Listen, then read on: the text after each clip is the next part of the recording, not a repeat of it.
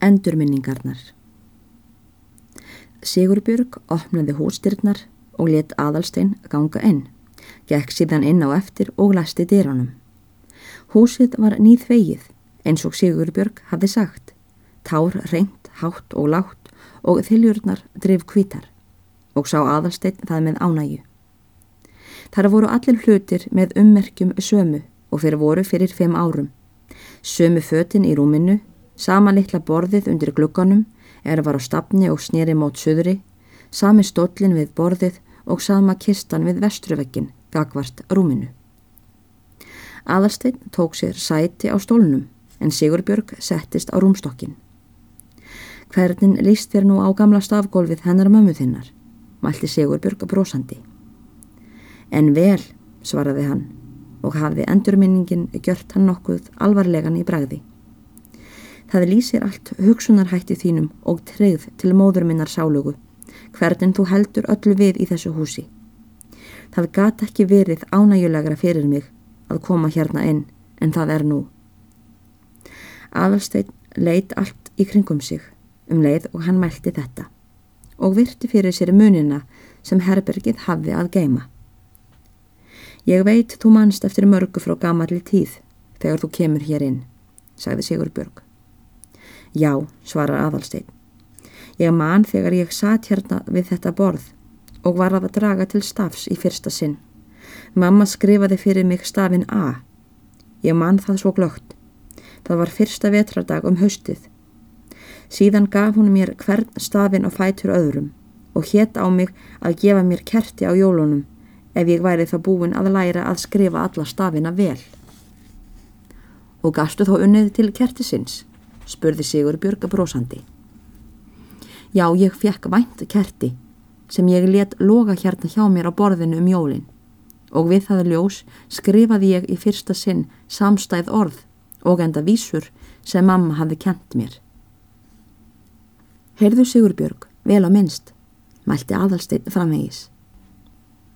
Óskop hefur mér þótt slæmt síðan ég fór að eldast að vísunum hennar mömmu skildi ekki vera haldið saman, svo vel hagmælt sem hún var. Já, það var reyndar mjög leiðinlegt, mælti Sigurbjörg, svo fallegt sem margt var eftir önnu sálugu. Henni var liðugt um að yrkja, það segi ég satt, og það var skemmtilegt að vera með henni þegar vel lág á henni. Ég þarf nöðsynlega að taka mér einhver tíma, mælti aðalsteinn, til að skrifa upp það sem við kunnum bæði og svo börnin hérna, áður en það gleimist alveg. Mér þykir það að skaði. Og ég er hættu um því miður að marta því best að sé tapað, mælti Sigurbjörg. Svoleiðis er bæfi um barnsárin, kvöldið, morgunstjörnuna, hugin og fleiri kvæði sem hún orti hér, að það mun vera mest glatað, nema rétt erindi og erindi sem ég man eða krakkarnir, einkum yngi. Pér skal vera velkomið að fá allt sem við kunnum hvenar sem þú vilt. Eftir litla málkvíld tók Sigurbjörg aftur til orða. Manstu eftir steinu minn, en það er reyndar ekki von þú munið það, mælti Sigurbjörg. Manstu nokkuð eftir því, þegar við vorum hérna inni báðar, mamma þín og ég, um kvöldið annan í páskum, á seinustu páskaháttíðinni sem hún livði. Þegar þú komst inn eitthvað utanfyrir og hittir svo á að við vorum hér að tala saman. Ekki getur mig nú ránkað við þessu, svaraði aðalstinn og hugsaði sig um. Jú, þú sagðir þegar þú komst inn. Hvaða ráð á nú að hafa mamma? Hann litli bleikur hefur fest fótinn í hólu og er haldur á öðrum framfætinum. Já, öldungis er rétt, svaraði aðalsteinn og kannadist við. Nú mann ég það glögt og þá sagði mamma Ég held að moltni úr honum aftur steinu minn, honum batnar, áður en þú fer að ríða honum. Það er satt, ég man vel eftir þessu. Og ég man líka eftir því að þið sátuð hérna inni, þú á stólunum, en mamma á rúminu og voruð að tala um eitthvað sem ég vissi ekki hvað var, en hættuð allt í einu þegar ég kom inn. Já, þetta stendur heima, ansaði Sigurbjörg. Og það var náttúrulegt að við hættum að tala í það skipti bætti hún við brosandi. Fyrir við vorum einmitt að tala um þig. Um mig? Já, Við vorum að baktala þig þá steinu minn, þú fyrirgefur. Það held ég hafi verið baktalað gagni, mælti aðalstein og brosti við, sem þinn mamma hafið talað um mig. Já, það vona ég, mælti Sigurbjörg, að það hafi komið að góðu gagni og lest hún taka orð aðalsteins í eiginlegri merkingu. Við vorum þá einmitt að tala um græna kistilinn og brefið sem þú fórst með að skálholti haustið eftir og þá var það sem hún mamma þín bað mig fyrir fleira þig áhrarandi. Já, þú hefur heldur ekki brúðist henni Sigurbjörg mín. Þetta stendur annars allt heima þegar mig fer að ranka við mér. Brefið sem lág í kistilhandraðanum til mín var skrifað á páskadaginn og ég man að hún skrifaði mikið um það leiti og ég vissi ekki betur en hún vekti alla nóttina fyrir annan í páskum til að skrifa og þá hefur hún líklega verið að skrifa brefið að skálholti.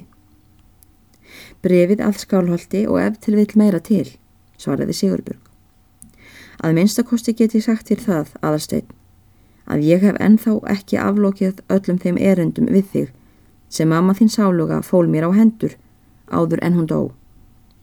Og lagði Sigurbjörg nú talsverða áherslu á orð sín. Hvað segir þú Sigurbjörg? Mælti aðalsteinn og undraðist. Hefur þú enn fleiri erendi við mig frá mömmu sálugu? Já, aðalsteinn, svaraði hún. Og það er líklegast ekki meira en helmingurinn sem ég er búin að gera af því sem móðir þín sáluga bað mig og fól mér á hendur að gera. Aðalsteinn undraðist enn meir. Hann horfi á Sigurbjörgu frá sér numin og sagði aðeins.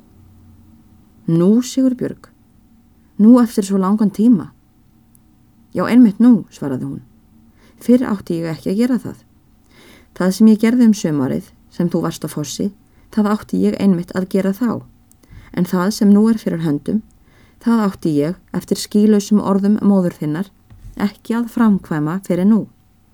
Hvað getur það verið, Sigurbjörg? Sagði aðalsteinn af mikilli undrun. Það besta af því öllu saman er, svaraði Sigurbjörg nú brosandi.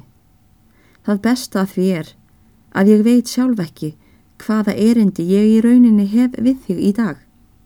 Þú veist ekki, sagði aðalsteinn og stéð nú undrun hans á hæsta stygg. Nei, mér er það allsendis ókunnugt í sjálfu sér, ansaði Sigurbjörg. Og vorum við mamma þín þó bestu vinkonur.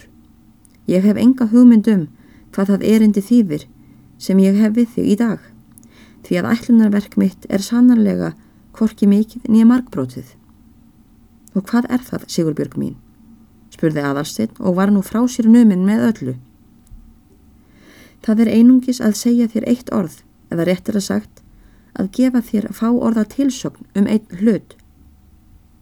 Nú, sagði aðalstinn og starði á Sigurbjörgu með aðtikli. Eftir litla viðdvöl sagði Sigurbjörg. Þú mannst eftir græna kislinum þínum. Jú, og þú munt hafa leikilinn að honum vísan. Jú, ég hef aldrei skilið hann við mig. En heldur þú að þú hafir nú aðtugað þann kistil til hlítar um sumarið og ekkert skilið eftir í honum, sagði Sigurbjörg og brosti við. Vertu blessuð, svaraði hann. Ég skoðaði ofan í hvert horn á kislinum og þar lág ekki nokkur skapaður hlutur eftir. Og eins var handraðin tómur. Það skal ég ábyrgjast og það man ég gjörla. Það lág alls ekkert eftir í kislinum. Sigurbjörg hafði gaman af þeirri alvörugefni sem andlit hins unga manns leti ljós þegar hann mælti þessu orð. Hrætt er ég um það samt, ansaði Sigurbjörg aftur brósandi. Hrætt er ég um að þú hafir ekki leitað nógu vel í kistilgreinu þó að hann sé ekki stór. Óvenjulega er ég hrætt um að þú hafir ekki skoðað allt sem í honum var. Það getur ekki verið, svaraði aðalsteinn, að þar hafi neitt verið því líkt. Síðan virtist hann að ranga við sér og meldi. Það skildi þá vera að einhver miði eða bref hefði leið innan í bókonum sem ég átti þar og líki þar enn. Og þó getur það ekki verið, segir hann síðan. Því að þeim öllum hef ég flett síðan marg oft og blað fyrir blað frá upphafi til enda og einskis orðið var. Nei, í bókunum mun ekkert hafa leið, ansaði Sigurbjörg.